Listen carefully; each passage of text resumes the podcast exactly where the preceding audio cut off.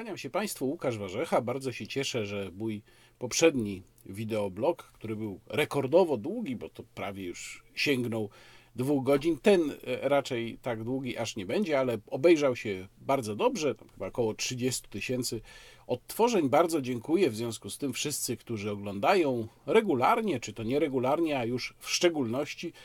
Dziękuję tym, którzy postanowili zostać mecenasami mojego kanału i skorzystali z mechanizmu mm, YouTube. Wesprzyj, on jest tam pod filmem. Jeżeli ktoś by chciał, przypomnę tylko, że mimo, że jest to zobowiązanie cykliczne, ale można z niego zrezygnować w każdej chwili, jeżeli ktoś chciałby to zrobić jednorazowo, potem można do tego wrócić.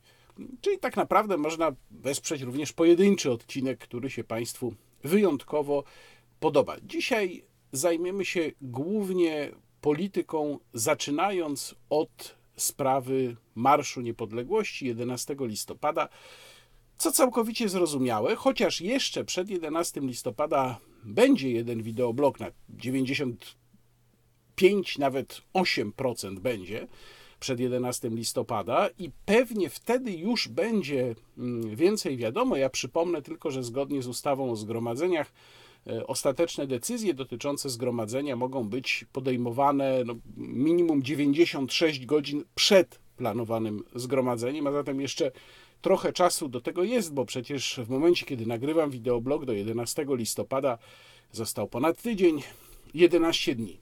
Zacząć tutaj trzeba od decyzji Rafała Trzaskowskiego i celowo mówię tutaj o decyzji Rafała Trzaskowskiego, a nie o decyzji Sądu Okręgowego i Sądu Apelacyjnego, który utrzymał e, w mocy uchylenie z kolei decyzji wojewody, który uchylił wcześniejszą decyzję Rafała Trzaskowskiego dotyczącą odmowy mm, e, zgody na Marsz Niepodległości, no bo jednak siłą inicjującą całą tę spiralę nie był przecież sąd. Sąd rozpatrywał tutaj tylko na podstawie pewnych przyczyn formalnych kwestie odwołania.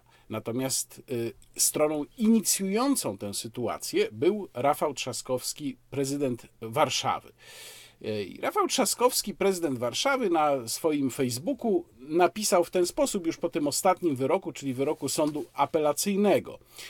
Tak zwany Marsz Niepodległości nie będzie miał w najbliższych latach statusu zgromadzenia cyklicznego, bo przypomnę, że o to tutaj chodziło i dlatego Marsz Niepodległości no, teoretycznie nie może się e, odbyć, choć jeszcze nie wiadomo na 100% będę o tym mówił. Sąd apelacyjny nie uwzględnił odwołania organizatorów i zgodził się z naszym rozumowaniem.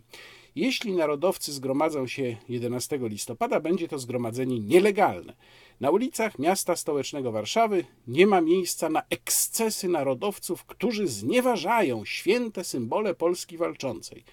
Skandalem jest przyzwolenie PiS na zawłaszczenie naszego wspólnego narodowego święta przez skrajne nacjonalistyczne siły i zwykłych chuliganów i zadymiarzy. Wstyd!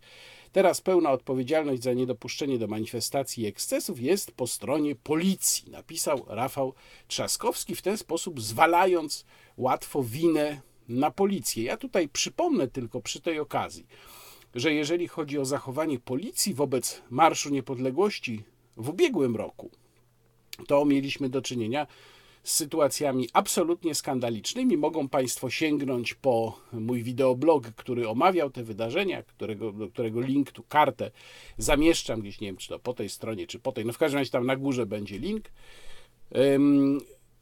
Kiedy to policja wykazała się niezwykłą agresją nie tylko wobec tych, którzy się zachowywali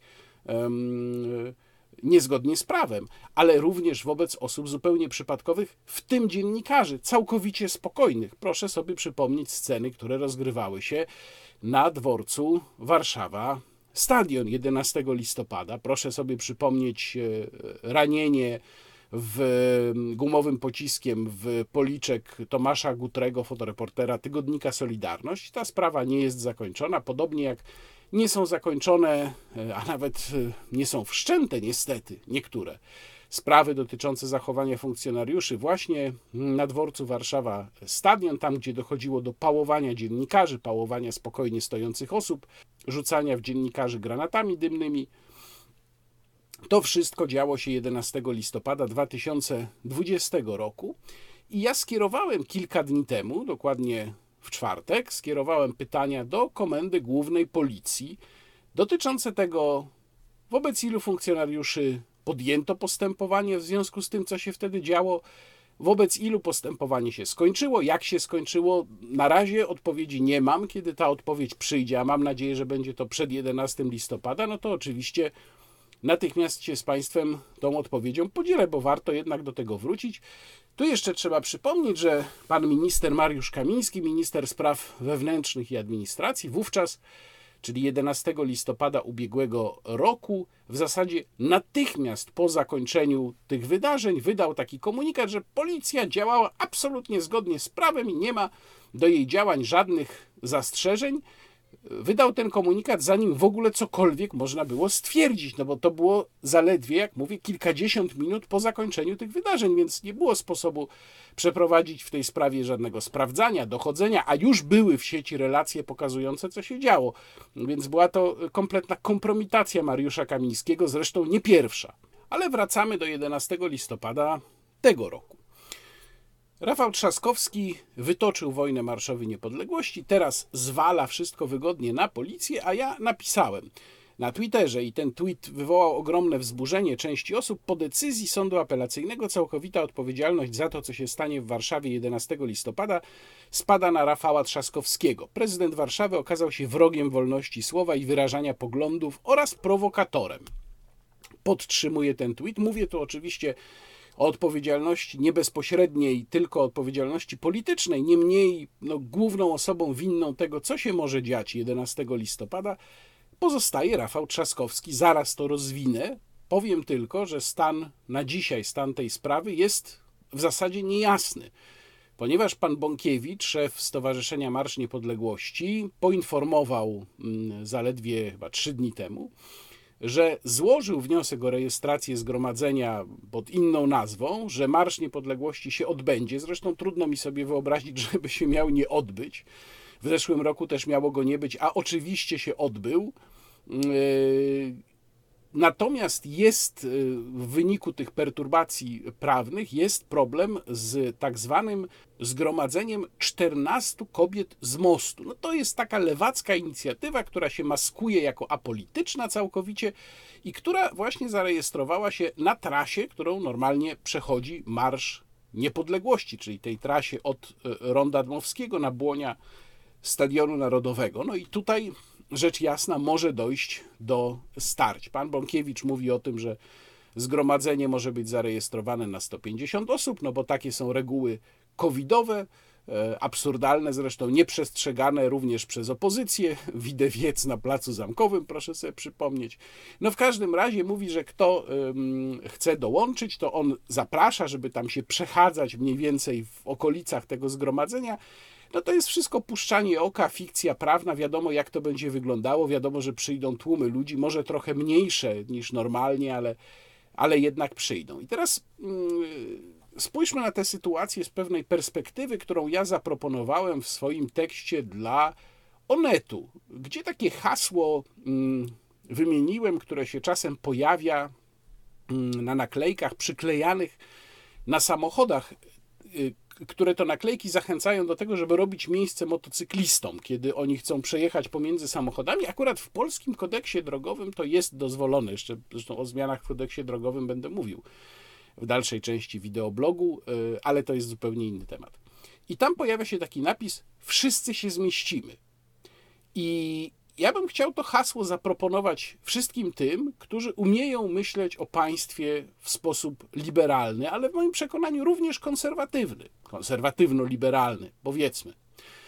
Dlaczego napisałem, że Rafał Trzaskowski okazał się wrogiem wolności słowa? No z bardzo prostego powodu. Z tego wpisu Rafała Trzaskowskiego jasno wynika, że on zgodnie zresztą z linią, którą prezentują lewicowi politycy i lewicowe media od dawna, uważa, e, czy też tak przedstawia, bo pewnie sam doskonale wie, że tak nie jest, no nie jest człowiekiem głupim. Przedstawia Marsz Niepodległości jako imprezę nacjonalistów, którzy tam jakimiś wstrętnymi hasłami się posługują.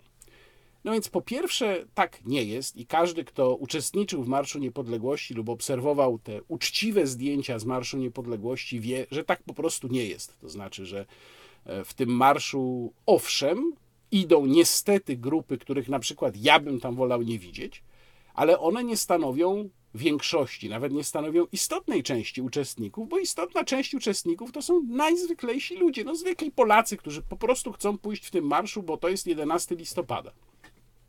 Więc nazywanie ich wszystkich faszystami, e, nazistami, e, wstrętnymi nacjonalistami i tak dalej, i tak dalej, no jest e, najzwyczajniej niezgodne z prawdą. No i obraźliwe dla tych ludzi przede wszystkim. Dlaczego Rafał Trzaskowski to robi i dlaczego tak mocno uderza w Marsz Niepodległości?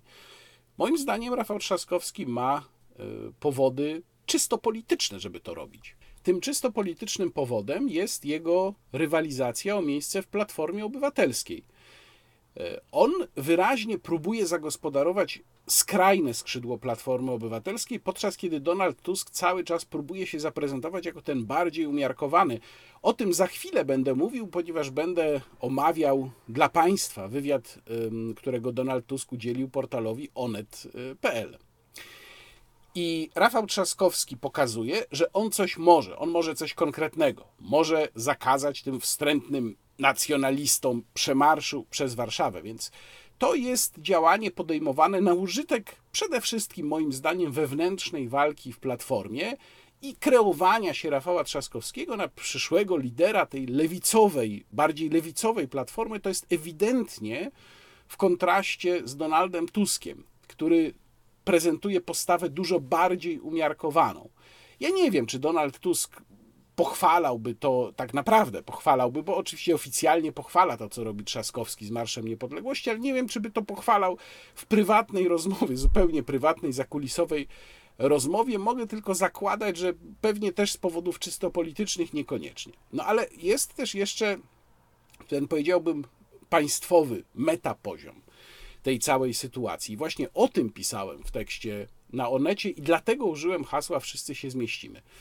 Bo co oznacza prawo do demonstrowania swoich poglądów w państwie, które ma do tego podejście liberalne? Akurat w tym wypadku, w kwestii wolności słowa, jak Państwo wiedzą, jestem zwolennikiem daleko posuniętego liberalizmu. A no to oznacza, że musimy się wykazać prawdziwą tolerancją. Co to znaczy prawdziwa tolerancja. Otóż prawdziwa tolerancja to jest tolerancja zgodna ze źródłem tego słowa. Słowa tolerancja pochodzącego z łacińskiego tolerare, które oznacza, czy może nie oznacza, powiedzmy najpierw, czego to słowo nie oznacza. Ono nie oznacza radosnej akceptacji, ono nie oznacza wychwalania, ono oznacza znoszenie czegoś. Jeżeli coś znosimy, to znaczy, że może nam się to bardzo nie podobać. Możemy to bardzo ostro krytykować, możemy to nawet zwalczać, ale musimy się zgodzić z tym, że trudno jest na to miejsce w przestrzeni publicznej. I mamy tutaj ciekawą sytuację, bo są dwie strony tego samego medalu. Z jednej strony mamy Rafała Trzaskowskiego, który swoimi decyzjami doprowadza do e, zakazu odbywania Marszu Niepodległości, a z drugiej strony mamy projekt e, społeczny, projekt Kai Godek, która chce zabronić demonstrowania środowiskom LGBT, chce zabronić parad równości, no przynajmniej w takiej postaci, w jakiej one się teraz odbywają. I to jest również działanie, moim zdaniem, skrajnie szkodliwe, jeżeli byśmy poszli logiką Trzaskowskiego i logiką Kai Godek, to byśmy doszli do sytuacji, w której w zależności od tego, kto w danym, na danym poziomie w państwie ma prawo decydować, lub mm, komu bardziej przychylna jest władza sądownicza, lub kto rządzi na poziomie centralnym. Tutaj są różne te zależności. To mm, zależy od tego, która instancja w danym momencie decyduje, która podejmuje jakieś działania. W każdym razie, w zależności od tego, gdzie ktoś by miał większy lewar, to ten by krępował natychmiast wolność wyrażania poglądów przez drugą stronę. I dokładnie z czymś takim tutaj mamy do czynienia. Tymczasem, tak jak powiedziałem, powinniśmy się pogodzić, jeżeli wychodzimy z założenia, że państwo jest dla wszystkich, powinniśmy się pogodzić z tym, że zawsze będą istnieć w przestrzeni publicznej poglądy, które nam się skrajnie nie podobają. No, ja chyba Państwa nie muszę przekonywać, co ja myślę o paradach równości i nie muszę Państwa przekonywać do tego, że one mi się bardzo nie podobają, a z ideami tam głoszonymi skrajnie się nie zgadzam. Ale mimo to zagryzam zęby, mówię, no mają prawo. Mają prawo demonstrować. I teraz ktoś powie, no dobrze, ale tam dochodzi do aktów publicznego zgorszenia. A ktoś inny powie, ale uczestnicy Marszu Niepodległości tam łamią prawo, demolują miasto i wznoszą faszystowskie hasła. Na to oczywiście jest odpowiedź w tym paradygmacie liberalnym. Jeżeli ktoś łamie prawo, to od tego są przepisy kodeksu karnego, od tego są przepisy kodeksu wykroczeń, żeby tę osobę ścigać za to konkretne wykroczenie lub przestępstwo. Jeżeli ktoś jest świadkiem takiej sytuacji, proszę bardzo, prokuratura, policja, proszę składać doniesienia. Jeżeli ktoś uważa, że jego dobra osobiste zostały naruszone, to też jest możliwe. Proszę bardzo, można złożyć pozew cywilny. No, jest również niesławny artykuł 212, do którego stosowania bym nie zachęcał, ale on jest w kodeksie karnym. Więc są tutaj różne sposoby działania. Natomiast w żadnym wypadku nie jest to powód do tego, żeby zakazywać komuś i to, że tak powiem, blankietowo, a priorycznie zakazywać komuś demonstrowania jego poglądów, bo gdzieś tam się pojawiły jakieś hasła podczas poprzedniej demonstracji. Gdybyśmy wyszli z takiego założenia, że to jest wystarczające uzasadnienie, to w zasadzie każdą imprezę tego typu, każde zgromadzenie tego typu można by uwalić, bo wystarczyłoby wysłać w jednym roku jakichś zdolnych prowokatorów, to naprawdę nie jest trudne. Zwłaszcza kiedy zgromadzenie jest ogromne, tak jak Marsz Niepodległości, wysłać ich w tłum, kazać im wzniecić jakieś okrzyki w tym tłumie albo pokazać jakiś transparent, ustawić umówionych nawet przedstawicieli mediów nieprzychylnych danej sprawie i tu naprawdę, proszę Państwa, nie różnicuje z której to się dzieje strony, bo obie strony mogą się posłużyć y, takim trikiem. Postawić kamery i pokazać, o proszę bardzo, a tam było takie hasło, no to w następnym roku już nie można pozwolić na to zgromadzenie. I w ten sposób byśmy doszli do sytuacji, o której wcześniej mówiłem, czyli kto ma więcej siły, ten drugiej stronie zakazuje wyrażania swoich poglądów. To jest bardzo niepokojąca perspektywa. Niestety muszę powiedzieć, że ten mój tekst i te moje tezy o konieczności liberalnego podejścia do sytuacji no nie spotkały się z jakimś mm, szczególnym uznaniem. Oczywiście dziękuję wszystkim Państwu, którzy byli gotowi podpisać się pod takim wezwaniem, bo ja takiego tweeta też y, umieściłem, że właśnie wszyscy się zmieścimy pod takim, pod takim hasłem, ale powiedzmy sobie szczerze, to nie była oszałamiająca liczba osób. I niestety, w większości przypadków, w ogromnej liczbie przypadków, ludzie zaczęli myśleć, bo do tego przywykli już przez tych ileś lat, może to trzeba liczyć już od 2005 roku przywykli do tego, że jedyną słuszną i właściwą logiką jest kto kogo. My musimy przycisnąć, zniszczyć tamtych, a tamci, a my musimy tych zniszczyć. I znika zupełnie myślenie w kategoriach jakiejkolwiek wspólnoty, nawet takiej wspólnoty opartej na tej niechętnej, niech będzie, że wymuszonej tolerancji, że musimy się jakoś nawzajem znosić. Tego już nam brakuje. Więc e, podsumowując, nie wiem, jak będzie wyglądał 11 listopada. Obawiam się, że będzie wyglądał źle i tak odpowiedzialność polityczną za to, co się może stać w trakcie takiego spontanicznego zgromadzenia, będzie ponosił przede wszystkim Rafał Trzaskowski. Nie ci sędziowie, którzy wydali orzeczenia, tylko właśnie Rafał Trzaskowski, bo to on był inicjatorem tej akcji. On pokazał, że uważa, że można poglądy ograniczać, które mu się nie podobają, bo ten jego wpis facebookowy dokładnie do tego się sprowadza, że jak jakieś poglądy mu się nie podobają, to on będzie ograniczał ich wyrażanie.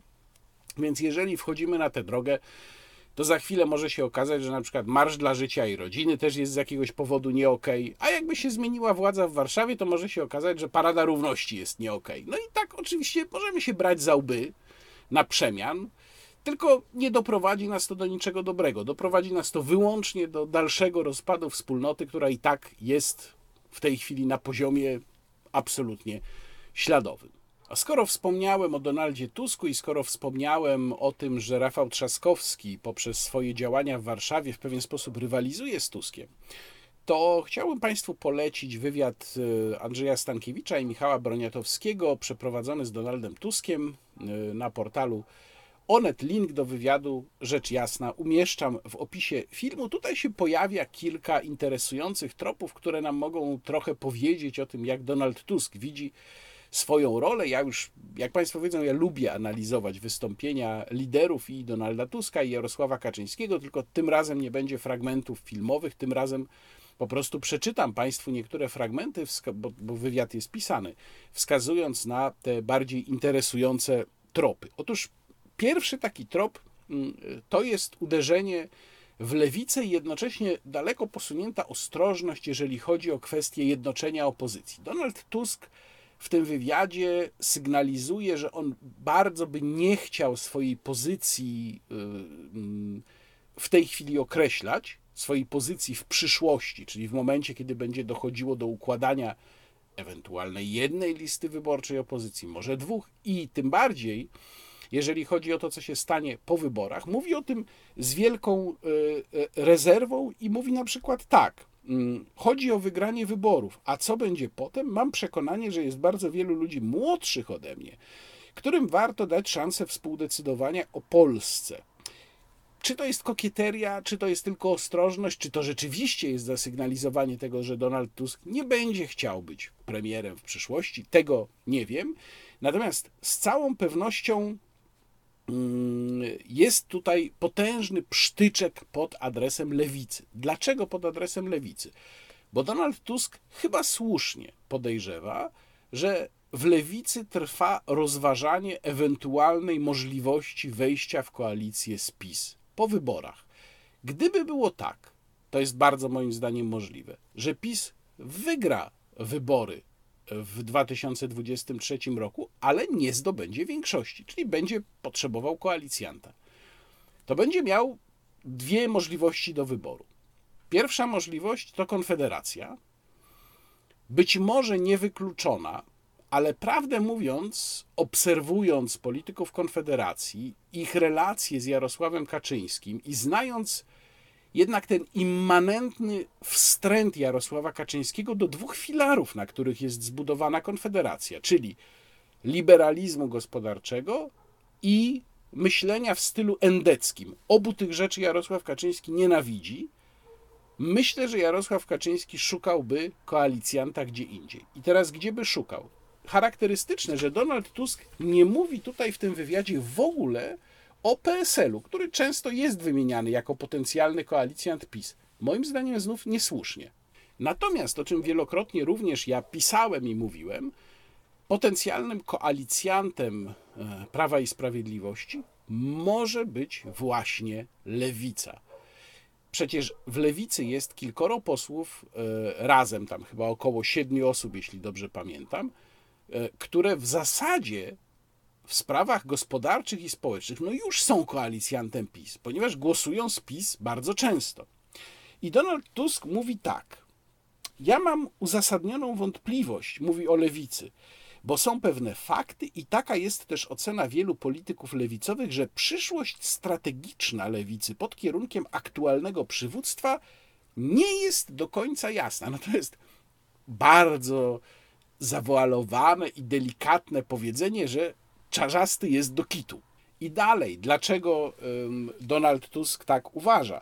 E, dziennikarze pytają o poparcie lewicy dla Krajowego Planu Odbudowy, ale Tusk mówi, i moim zdaniem mówi bardzo słusznie, Lewica nie tylko poparła KPO, ale przede wszystkim zagłosowała za budżetem państwa przygotowanym przez PiS. A głosowanie nad budżetem to w każdej kulturze politycznej papierek lakmusowy, mówi przewodniczący Platformy Obywatelskiej, a w dodatku to budżet szczególny, oparty na oszustwie, wyjmowanie spod kontroli społecznej i parlamentarnej setek miliardów złotych poprzez wyprowadzanie wydatków poza budżet. Ja tylko przypomnę, że o tym wyprowadzaniu w ten sposób wydatków poza budżet E, mówił, e, mówiła i Najwyższa Izba Kontroli, i bardzo wyraźnie o tym mówiła w debacie budżetowej Konfederacja. Mm, zresztą ten pomysł, ja dzisiaj o tym nie będę mówił, ale tylko wspominam pomysł na powołanie specjalnego funduszu, który miałby zasilać i finansować transformację polskiej armii, no to też jest pomysł na kolejne wyprowadzenie pieniędzy poza budżet. E, I Donald Tusk mówi tak, wracam do trochę wcześniejszego fragmentu. Mm, powiem wprost, byłoby fatalną strategiczną pomyłką, gdybyśmy włożyli wszyscy razem wielki wysiłek w przekonywanie Polaków, że jesteśmy razem po to, żeby odsunąć PiS od władzy, podczas gdy dzień po wyborach okazałoby się, że niektórzy politycy lewicy widzą większą zaletę w politycznych woltach niż w zasadniczej zmianie w Polsce. Nas nie stać w żadnym wypadku na ryzyko, że komuś z opozycji wpadnie do głowy, by po wyborach utrwalić władzę PiS. No czyli krótko mówiąc, że komuś z lewicy wpadnie do głowy, jak Jarosław Kaczyński przyjdzie, powie Włodek, dogadajmy się, to właśnie, żeby się mm, dogadać. Tutaj tylko jedna wątpliwość się pojawia. To znaczy, Donald Tusk tutaj mówi o tej fatalnej polityce ekonomicznej, zresztą w innym fragmencie tego wywiadu e, mówi o tym, że tak 500 plus to jest bardzo dobry program i inne niektóre programy socjalne PiS też absolutnie są w porządku. Jest pytanie, czym polityka gospodarcza, fiskalna, ekonomiczna, społeczna Platformy Obywatelskiej różniłaby się od polityki Prawa i Sprawiedliwości? Niestety dziennikarze Onetu tego pytania akurat nie zadali. Szkoda, bo chciałbym usłyszeć od Donalda Tuska, gdzie on widzi tę podstawową różnicę. Dalej mamy fragment bardzo obszerny, w którym Donald Tusk mówi o mm, korupcji i nepotyzmie. No to jest nepotyzm bardzo rozbudowany, bo przypomnę, że nepotyzm to jest zatrudnianie krewnych, a tu nie chodzi tylko o krewnych. E, I ta diagnoza jest rzeczywiście celna. Tak, faktycznie PiS rozdał ten system i doprowadził go do skrajności. Tutaj pełna zgoda. Tylko co nam ma gwarantować, że wygłodniała opozycja po dwóch kadencjach, doszedłszy do władzy, nie zacznie się zachowywać tak samo? Słowo Donalda Tuska, no przepraszam, ale jednak trochę mało, bo ja pamiętam, jak wyglądała jak wyglądały dwie kadencje Platformy, prawie dwie kadencje Donalda Tuska, więc e, ja bym jednak, jeżeli Donald Tusk serio traktuje tę sprawę, to ja bym jednak wolał usłyszeć, jak on sobie wyobraża jakiś, jakiś formalny system, który zagwarantuje, że nie będzie powtórki z rozrywki, czyli po prostu przejęcia tych aktywów, mówiąc w cudzysłowie, którymi dzisiaj posługuje się i napędza się Prawo i Sprawiedliwość. Donald Tusk mógłby na to odpowiedzieć, bo tutaj też dużo o tym mówi, że zagwarantuje to przywrócenie należytego funkcjonowania wymiaru sprawiedliwości. Mówi Donald Tusk tak. Przywrócimy niezależną prokuraturę i niezależne sądownictwo, to one zajmą się każdym przestępstwem indywidualnie, nie będzie już chowania się za szyldem PiS. Jak, panie przewodniczący? No, prokuratura to jest stosunkowo prosta sprawa. Rzeczywiście uchwalamy nową ustawę o prokuraturze, rozłączamy mm, stanowisko prokuratora generalnego od stanowiska ministra sprawiedliwości, tylko ja przypomnę, że ten system, który y, przez pewien czas funkcjonował w Polsce, bardzo krótko, y, od 2010 roku do 2015 albo 2016, kiedy właściwie po jednej, jednej kadencji tylko, bo prokurator generalny Seremet to, była, to był jedyny niezależny prokurator generalny. Okazało się, że ten system był zbudowany bardzo wadliwie i tak naprawdę zamiast lojalności politycznej mieliśmy całą sieć takich lojalności prokuratorskich na niższym poziomie. Ja nie mówię, że to, co jest teraz, jest dobre. Wydaje mi się, że to jest bardzo złe, natomiast z systemem e, prokuratury, z tym, jak e, zadziałać, jak ustawić prokuraturę, tak żeby ona nie była uzależniona politycznie w miarę możliwości, ale nie była uzależniona nie tylko na tym wysokim poziomie, ale też na tych niższych poziomach. No tutaj to nie jest takie proste. To nie wystarczy przywrócić rozwiązania z 2010 y, roku. A Donald Tusk w ogóle nie mówi tutaj, co rozumie przez przywrócenie niezależnego sądownictwa.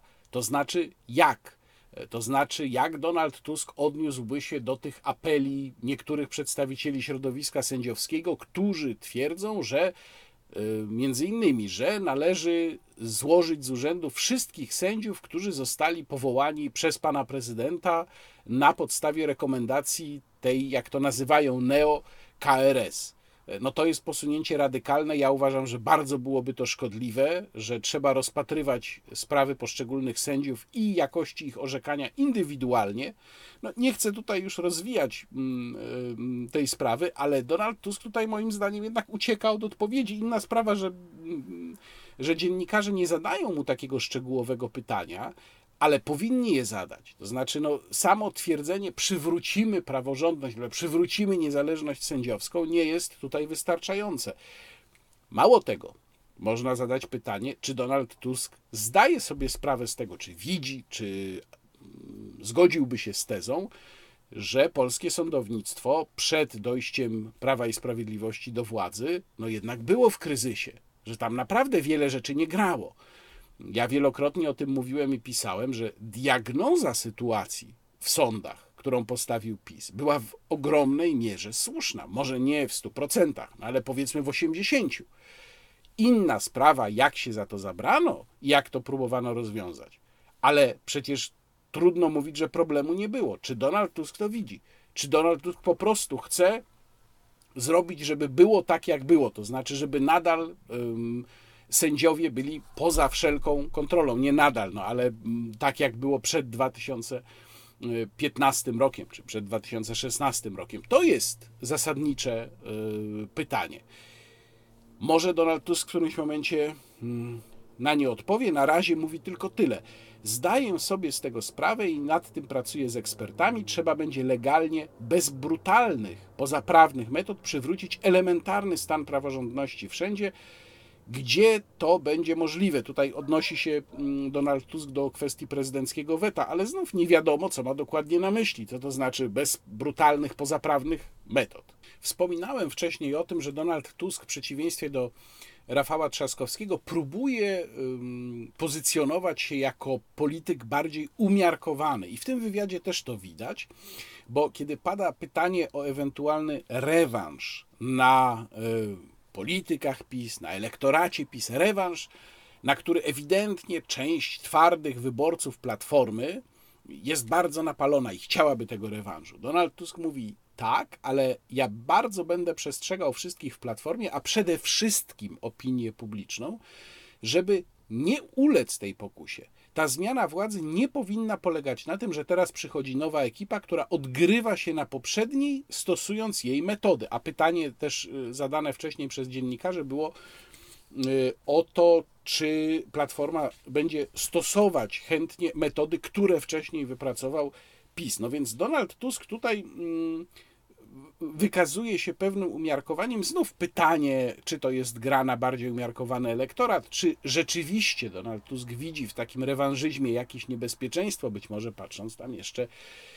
bardziej perspektywicznie, poza kolejną utratę przez siebie, czy przez swoją formację władzy. No, gdyby wziąć te deklaracje za dobrą monetę, to należałoby je pochwalić, bo rewanżyzm do niczego nas nie doprowadzi, no ale nie wiem jak Państwo, ja Donaldowi Tuskowi średnio ufam. I jeszcze jeden cytat w tym temacie z Donalda Tuska. Mam wystarczająco dużo odwagi cywilnej, żeby powiedzieć jasno, nie widzę siebie w roli mitycznego mściciela, który wrócił do Polski tylko po to, żeby się odegrać na PiS.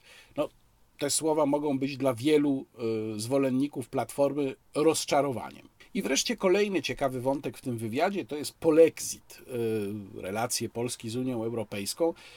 Donald Tusk tu stosuje ciekawy zabieg. Jak Państwo wiedzą, to pojawiało się w wielu moich poprzednich wideoblogach. Ja jestem zdecydowanie zdania, że Prawo i Sprawiedliwość do żadnego polexitu nie dąży, nie chce go. Polexit byłby nieszczęściem. Ja już pomijam to, że trzeba by y, spełnić całą grupę formalnych przesłanek, że trzeba by cały proces formalny rozpocząć, który jest opisany w traktacie o Unii Europejskiej. To zostawiam na boku. Ale chodzi mi o to, że dla PiS wystąpienie Polski z Unii Europejskiej byłoby dramatem.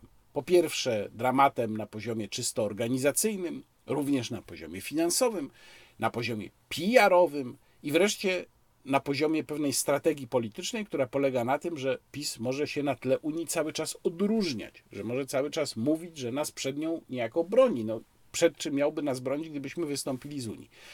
Ale Donald Tusk zdaje sobie sprawę z tego, że teza o dążeniu PiS do polexitu jest no, trudna do utrzymania, ponieważ zaczyna sprawę w tym wywiadzie niuansować. Mianowicie nie mówi już o takim bliskim polexicie wprost. Mówi tak. Postępujący polexit, czyli wyprowadzanie Polski z Unii Europejskiej rozumianej jako system prawa, wzajemnego wsparcia i solidarności. Czyli już nie formalny polexit, ale taki, no, taki miękki polexit. Co prawda, dalej pojawia się takie stwierdzenie, że no, jeżeli PiS wygra znowu, to, to już nastąpi ten normalny, formalny polexit, ale y, tam, gdzie mm, dziennikarze pytają konkretnie o to, jakby ten polexit miał wyglądać, to tu Donald Tusk trochę ucieka od odpowiedzi. No i wreszcie jest taki dosyć zabawny moment w tej rozmowie, Mianowicie e, Donald Tusk stawia starą tezę lansowaną m.in. przez Tomasza Piątka w jego książkach o Macierewiczu, że PiS działa na korzyść, a właściwie nawet ręka w rękę z Rosją. I mówi tak Donald Tusk: Jeśli się tak na serio zastanowimy, to tylko w relacjach z jednym państwem Kaczyński i PiS zachowują niezwykłą wstrzemięźliwość, ostrożność i łagodność nawet w słowach.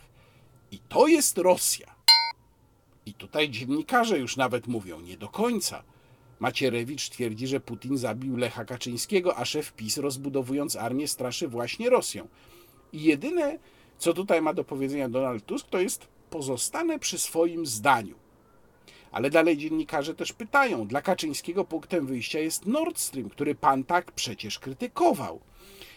Wedle tej opowieści Amerykanie nas zdradzili, Niemcy nas zdradzili, w związku z tym to nie są kraje, na które warto liczyć. No, to nie według tej opowieści, tylko po prostu tak jest. Jeżeli spojrzymy na kwestie energetyczne, to dokładnie tak właśnie jest. I Donald Tusk tutaj już nic właściwie nie odpowiada. Znaczy, próba przyklejania PiSu do Rosji jest chyba tym najbardziej karkołomnym, y, najbardziej brawurowym, a jednocześnie najgłupszym chwytem, y, który się pojawia po stronie opozycji, bo jeżeli tylko ktoś obserwuje Jarosława Kaczyńskiego, jeżeli ktoś obserwuje polityków z jego partii, ba, jeżeli ktoś obserwuje przekaz mediów bliskich Prawu i Sprawiedliwości, to natychmiast zobaczy, że tam Rosja występuje jako najgorsze zło. No przecież powiedzenie o ruskich onucach, e, obdarzanie tym e, mianem polityków Konfederacji, pan Lisiewicz, Piotr Lisiewicz z Gazety Wyborczej, który tam jakieś wizje rozsnuwa spisków z Rosją, które Konfederacja ma prowadzić. No przecież to wszystko jest granie na rusofobii. Ja nie mówię, że niesłusznej, bo oczywiście Rosji się mamy absolutnie prawo obawiać, ale Rosja dla PiSu jest czymś absolutnie najgorszym. No i teraz próba przyklejania Jarosława Kaczyńskiego do Putina jest po prostu tak kompletnie idiotyczna, że dziwię się, że Donald Tusk poszedł w tę stronę, bo to już się naprawdę nie trzyma kupy. Oczywiście można sobie takie pytania zadawać, no dobrze, ale czy Rosja jakby tutaj funkcjonalnie nie skorzysta na działaniach Polski, gdyby miało nastąpić w jakiejś tam dalekiej perspektywie poluzowanie Unii Europejskiej. Też to jest moim zdaniem sprawa dyskusyjna, ale to nie o tym tutaj jest mowa. Tu jest wprost próba powiedzenia, że Kaczyński jest sojusznikiem Putina. No proszę Państwa. Teraz parę słów e, o tym, jak PiS znowu wsiadł do walca i tym walcem sobie jedzie. Tam Jarosław Kaczyński sobie jedzie. To jest e, teza z tekstu, który napisałem do Środowej Rzeczpospolitej. Pewnie we środę będą Państwo mogli go przeczytać, być może w sieci w całości, na pewno w papierowym wydaniu Rzeczpospolitej. Mianowicie to jest taka obserwacja, proszę zauważyć. Y, PiS przystopował ten swój walec legislacyjny w momencie, kiedy nie był pewien, czy ma większość sejmową. W momencie, kiedy tę większość no, w sposób kulawy, bo tam zamiast teraz zamiast trzech koalicjantów jest czterech, e, czy w sumie jest zamiast trzech koalicjantów, wliczając PiS, jest czterech, bo jest jeszcze osobno Adam Bielan i Marcin Ociepa z tą swoją grupką, a jeszcze na zewnątrz jest Kukiz z tymi swoimi, e, znaczy w sumie trzech posłów z koła Kukiz, bo Stanisław Tyszka, czwarty, tam jest na boku i głosuje właściwie już zawsze odwrotnie niż ta reszta. No w każdym razie jest taka, e, powiedziałbym, mocno eklektyczna mm, e, grupa, koalicja, ale ona pozwala pewne rzeczy przepychać i na ogół pozwala też odrzucać uchwały Senatu, w których Senat zmienia ustawy, które do niego trafiły. Mm, no bo tu przypomnę, że do odrzucenia jest potrzebna większość bezwzględna, a nie zwykła. I PiS znowu włączył w tym walcu teraz tam trzeci bieg i zasuwa, i miażdży, prawda? No i co mamy? Po pierwsze, mamy uchwalenie Polskiego Ładu. Mimo mm, apeli organizacji pracodawców, przedsiębiorców, Rzecznika Praw Obywatelskich, żeby dać więcej czasu. To była zresztą poprawka mm, Polski 2050, y, żeby o rok przełożyć wejście tej ustawy podatkowej w życie, po prostu dlatego, że mamy dwa miesiące do końca roku. E, te zmiany mają wejść od e, stycznia przyszłego roku i przedsiębiorcy, no, przedsiębiorcom będzie strasznie trudno się do tego dostosować. Ja już pomijam wszystkie fatalne skutki finansowe, bo przecież nadal, mimo różnych zmian, które tam nastąpiły, mamy brak możliwości odliczania składki zdrowotnej, mamy potężny e, impuls redystrybucyjny w sytuacji, kiedy i tak nasza inflacja bije rekordy. Przypominam, 6,8% w e, październiku, dramatycznie wysoka inflacja. Ale nieważne. Wszystko to nieważne, gigantyczna ustawa, przeprocedowana w skandalicznie krótkim czasie przez Sejm, E, gdzie posłowie mieli chyba dobę na to, żeby się zapoznać z 700 stronami aktu prawnego, wliczając uzasadnienie, tam prawie 300 stron samych przepisów. E, wszystko to poszło jak walcem, bo PiS musi, prawda? Musi, bo musi mieć to przed wyborami, bo o to tutaj głównie chodzi, żeby to weszło od stycznia 2022 roku, żeby jeszcze przed wyborami ludzie już odczuli skutki. Gdyby weszło od stycznia 2023 roku, no to ludzie by nie zdążyli tych skutków odczuć. To jest jeden przykład tego, tego legislacyjnego walca, fatalnego absolutnie, do którego PiS powrócił. Drugi przykład to jest kwestia mandatów. To jest nowelizacja mm, kodeksu drogowego, która na razie jest na wcześniejszym etapie jeszcze niż um, Polski Ład, ustawa podatkowa Polskiego Ładu, bo na razie ona trafiła z Sejmu do Senatu. Ale tutaj ja obserwowałem to z bliska i widziałem, w jaki sposób były traktowane najbardziej nawet merytoryczne poprawki wysuwane, czy uwagi wysuwane przez ekspertów, merytoryczne poprawki opozycji. Tam dwie rzeczy tylko z istotnych poprawiono. Pierwsza rzecz to jest to, co Państwo bardzo często wskazywali i mm, na co ja również wskazywałem, kiedy pierwsza wersja tych przepisów weszła. To jest kwestia mandatu minimum 1500 zł za e, kolizję drogową. No tu na szczęście dodano takie zastrzeżenie, że to jest wtedy, kiedy jest jakaś, są jakieś szkody w zdrowiu osób, które brały w tym udział. Tu oczywiście posługuje się językiem nieustawowym. E, więc no, przy zwykłej obcierce tego nie będzie. Na szczęście ktoś tutaj jeszcze w ostatniej chwili coś zrozumiał. I druga sprawa to jest obniżenie do 800 zł z 1500 tego mandatu za przekroczenie prędkości o 30 km na godzinę ale wszystkie pozostałe rzeczy zostały, czyli y, drastyczne, absolutnie drastyczne podwyższenie grzywny, którą może orzec sąd do 30 tysięcy, podwyższenie minimalnej, maksymalnej wysokości mandatu do 5 tysięcy złotych, które, który policja będzie mogła nałożyć na miejscu. No, tam są jeszcze inne kwiatki, czyli między innymi ta y, drastyczna kara za nieustąpienie pierwszeństwa pieszemu, która w połączeniu z tymi nowymi przepisami dotyczącymi pierwszeństwa, które są skrajnie nieprecyzyjne, a większość pieszych w ogóle nie wie, na czym one polegają, nie wie, w którym momencie tak naprawdę ma pierwszeństwo i włażą na te pasy bez patrzenia. Ja już sam takich sytuacji miałem kilka, gdzie ktoś po prostu wlazł, nawet się nie rozglądając. Raz był to młody jegomość, nawet ze słuchawkami w uszach, który po prostu tak wlazł y, i nawet nie spojrzał ani w prawo, ani w lewo. Y, na szczęście nie bezpośrednio mnie przed maskę, tylko w pewnej odległości, więc E, mogłem zahamować. Oni nie wiedzą, że pierwszeństwo według nowych przepisów mają w momencie wkraczania na przejście, a nie wtedy, kiedy sobie do niego idą, nie, nie oglądając się na boki. Więc w połączeniu z tym nowym przepisem, te przepisy mandatowe oczywiście będą wywoływały skutki takie, że trzeba się będzie bronić nagraniami z kamery, będą sprawy w sądach i tak dalej, i tak dalej. Były dwie e, bardzo sensowne poprawki składane w Komisji Infrastruktury. Tu przypomnę, że posłem sprawozdawcą, i to jest, panie pośle, hańba, że pan się podjął tej roli, że pan firmował te zmiany, był Jerzy Polaczek, były minister e, infrastruktury. Były dwie co najmniej bardzo sensowne poprawki złożone przez Polskę 2050 i przez Konfederację. Otóż Polska 2050 proponowała, e, nie, przepraszam, to nawet trzy poprawki sensowne. Polska 2050 proponowała tak, żeby za wykroczenia i tutaj wymienione wykroczenia kara grzywny mogła być orzekana w wysokości do czterokrotnego przeciętnego wynagrodzenia w danym kwartale ogłaszanego przez prezesa Głównego Urzędu Statystycznego. Co by to oznaczało?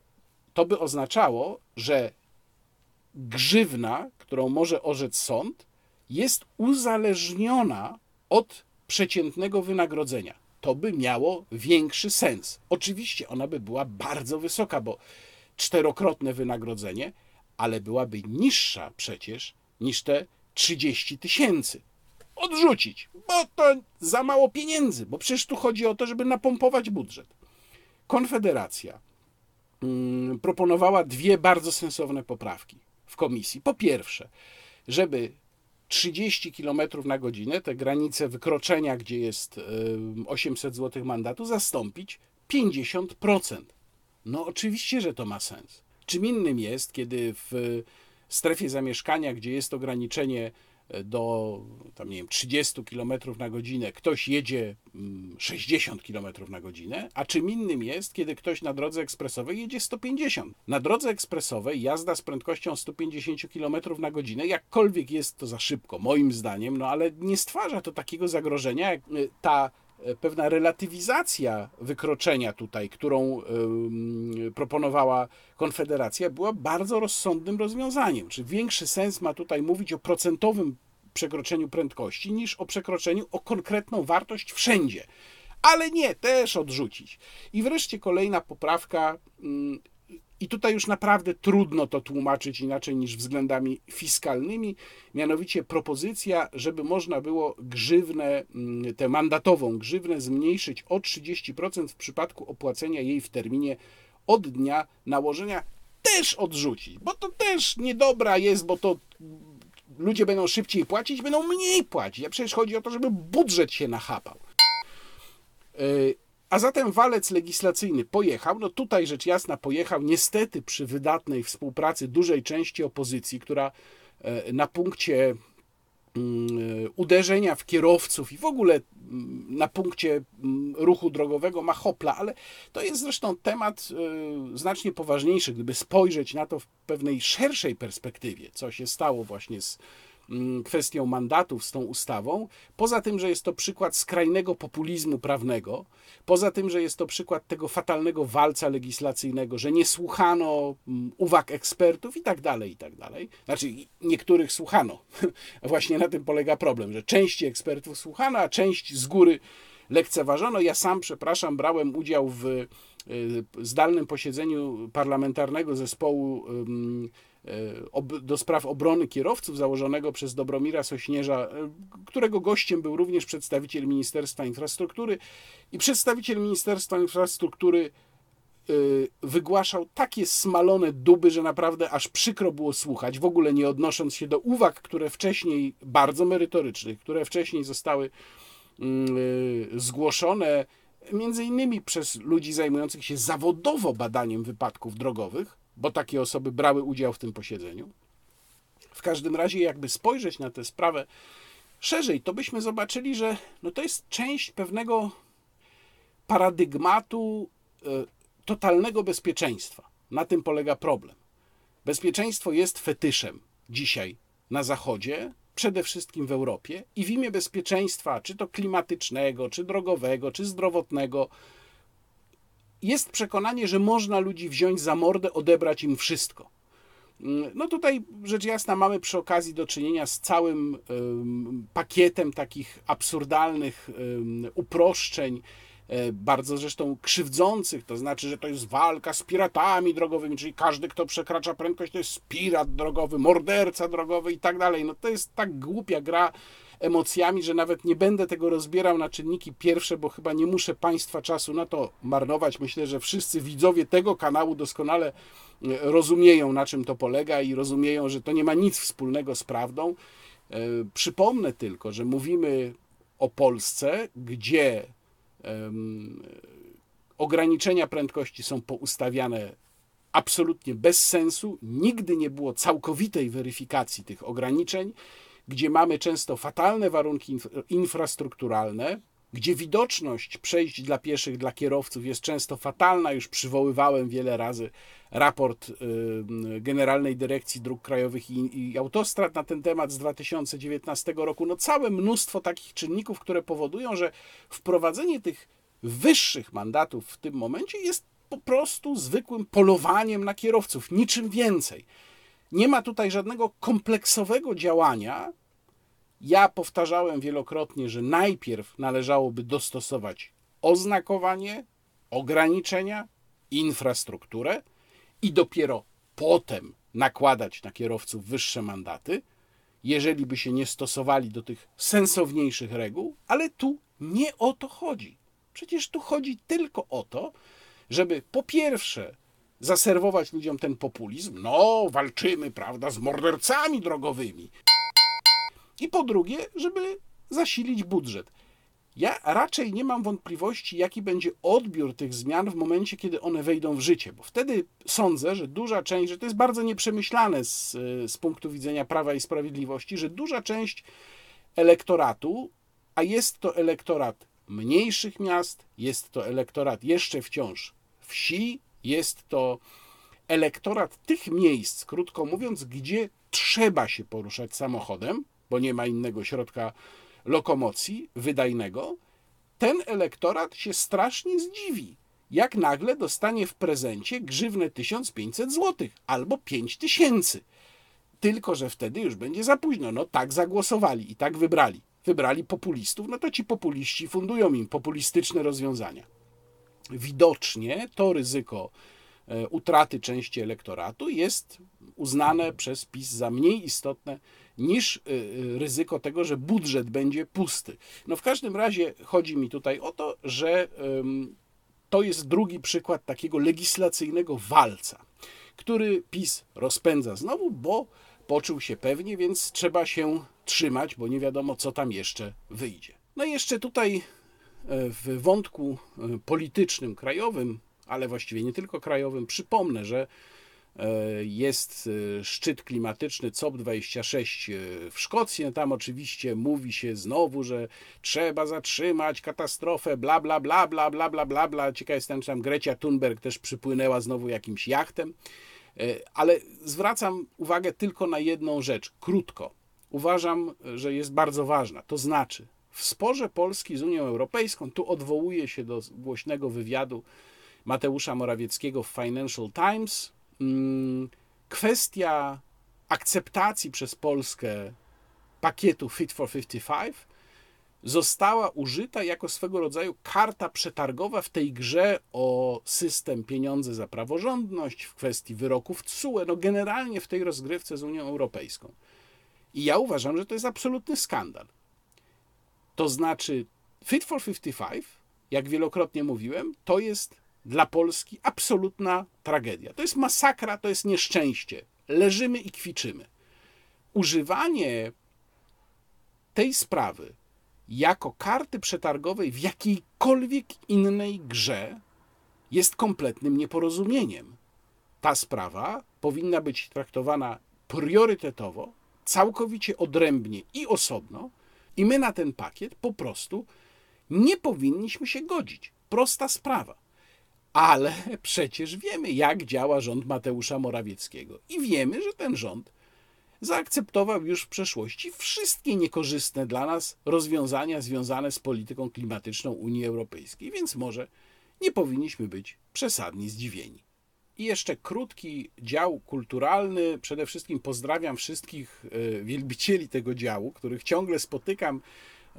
Spotkałem podczas finałowego koncertu baroku w Radości, który tym razem nie odbył się w Radości, tylko w Pałacu na Wodzie w Łazienkach Królewskich w Warszawie. Spotkałem człowieka, który powiedział mi, że znalazł się tam też dzięki rekomendacji z mojego wideoblogu, więc pozdrawiam pana serdecznie. Teraz trochę taki sezon się zaczyna, kiedy trudniej będzie, mm, bo mniej się jeździ, mniej się podróżuje, trudniej będzie o materiały do, tego, do tej części kulturalnej, ale Państwo sugerowali na przykład, żeby powiedzieć o książkach, e, o interesujących książkach, może o, o, o niektórych płytach opowiedzieć więcej o moich ulubionych, o mojej ulubionej muzyce. Na pewno coś się znajdzie. Wiem, że jest bardzo wielu z Państwa, którzy tę właśnie kulturalną część szczególnie lubią, więc Będę dbał o to, żeby ona w kolejnych wideoblogach również się znalazła, a tym razem e, chciałem bardzo podziękować zespołowi La Tempesta, Jakubowi Burzyńskiemu, który zorganizował to jubileuszowe już dziesiąte wydanie festiwalu Barok w Radości. No i muszę powiedzieć, że ten ostatni koncert mm, był e, bardzo naprawdę udany i zrobił ogromne wrażenie. Jak powiedziałem, działo się to w Pałacu na Wodzie w Łazienkach Królewskich i mogliśmy tam posłuchać oratorium e, Jerzego Fryderyka Händla Il trionfo del tempo e del disinganno. Tłumaczenie tego na polski często jest triumf czasu i prawdy, ale jak słusznie zwracała uwagę Lidia Szpilewska, która z festiwalem jest związana od dawna, która wygłaszała wprowadzenie do tego oratorium, to słowo disinganno nie oznacza prawdy, bo vero, tak, to chyba ja nie znam włoskiego, ale vero to zdaje się jest prawda po włosku. Disingano to jest bardziej inne tłumaczenie alternatywne, które się czasem po polsku pojawia, to jest rozczarowanie, ale to też nie jest do końca właściwe. To jest mm, zobaczenie rzeczy takimi, jakie są. Tak chyba należałoby to e, słowo przetłumaczyć mm, najbardziej adekwatnie.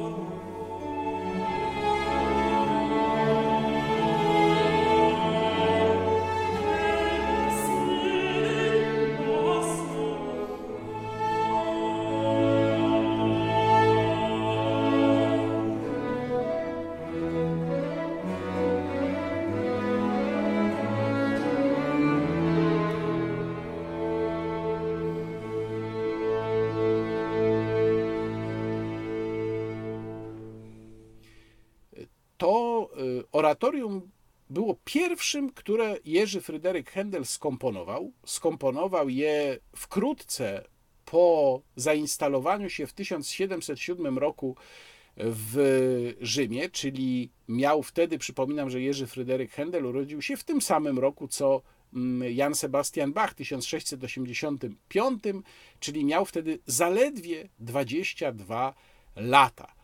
Skomponował y, to oratorium do libretta, do tekstu stworzonego przez kardynała Pamfiliego, jednego z handlowskich mecenasów w czasie pobytu we Włoszech i potem wracał do tego oratorium wielokrotnie w ciągu swojego życia. W którymś momencie zostało ono przerobione również już kiedy Händel mieszkał w y, Anglii na y, angielski, więc ono ma wiele wersji z różnych momentów w czasie. To jest y, oratorium o tyle ciekawe, że ono niesie ze sobą pewną głęboką treść teologiczną, którą właśnie kardynał Pamfili zawarł mm, w tym, e, w tym tekście.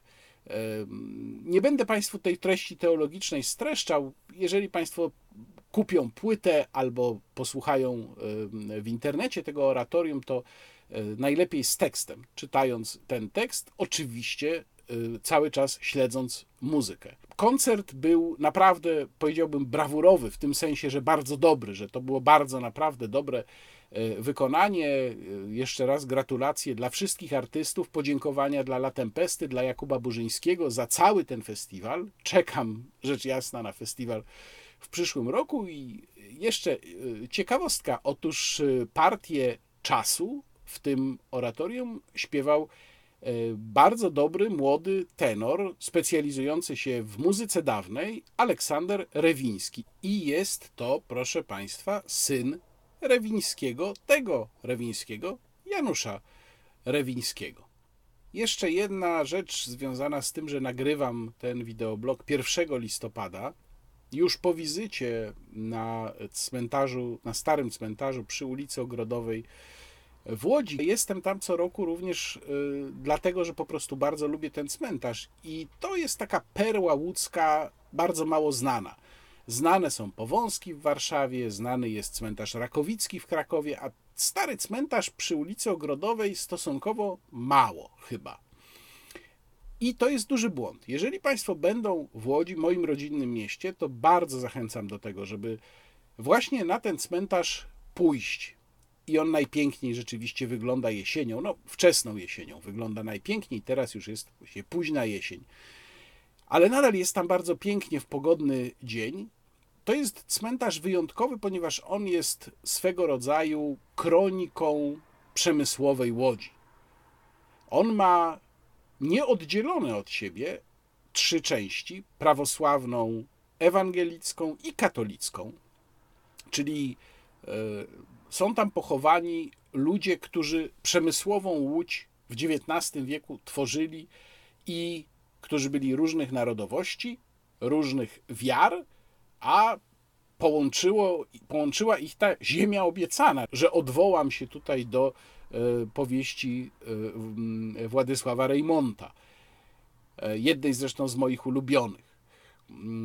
Od 1989 roku działa Towarzystwo Opieki nad Starym Cmentarzem w Łodzi, które co roku przeprowadza kwestę. W tym roku ta kwesta, rzecz jasna, też była. Można było też zagłosować na to, który z trzech wybranych nagrobków będzie e, odnawiany. No, pieniądze, które są potrzebne na odnowienie tych przepięknych, naprawdę przepięknych pomników nagrobnych są ogromne. Tam najbardziej charakterystycznym punktem tego cmentarza jest y, kaplica grobowa rodu Scheiblerów, przede wszystkim Karola Scheiblera, ale w ogóle rodu Scheiblerów, która jest w konserwacji już od wielu lat. Jej charakterystycznym elementem były stojące na zewnątrz takie figury muzykujących aniołów. Ich już od paru lat nie ma, zostały zdjęte do momentu, kiedy całość będzie odnowiona, będzie można te figury, przynajmniej te, które przetrwały, bo niektóre niestety chyba się rozbiły, spadając e, już lata temu, mm, będzie można je z powrotem tam postawić, ale poza tym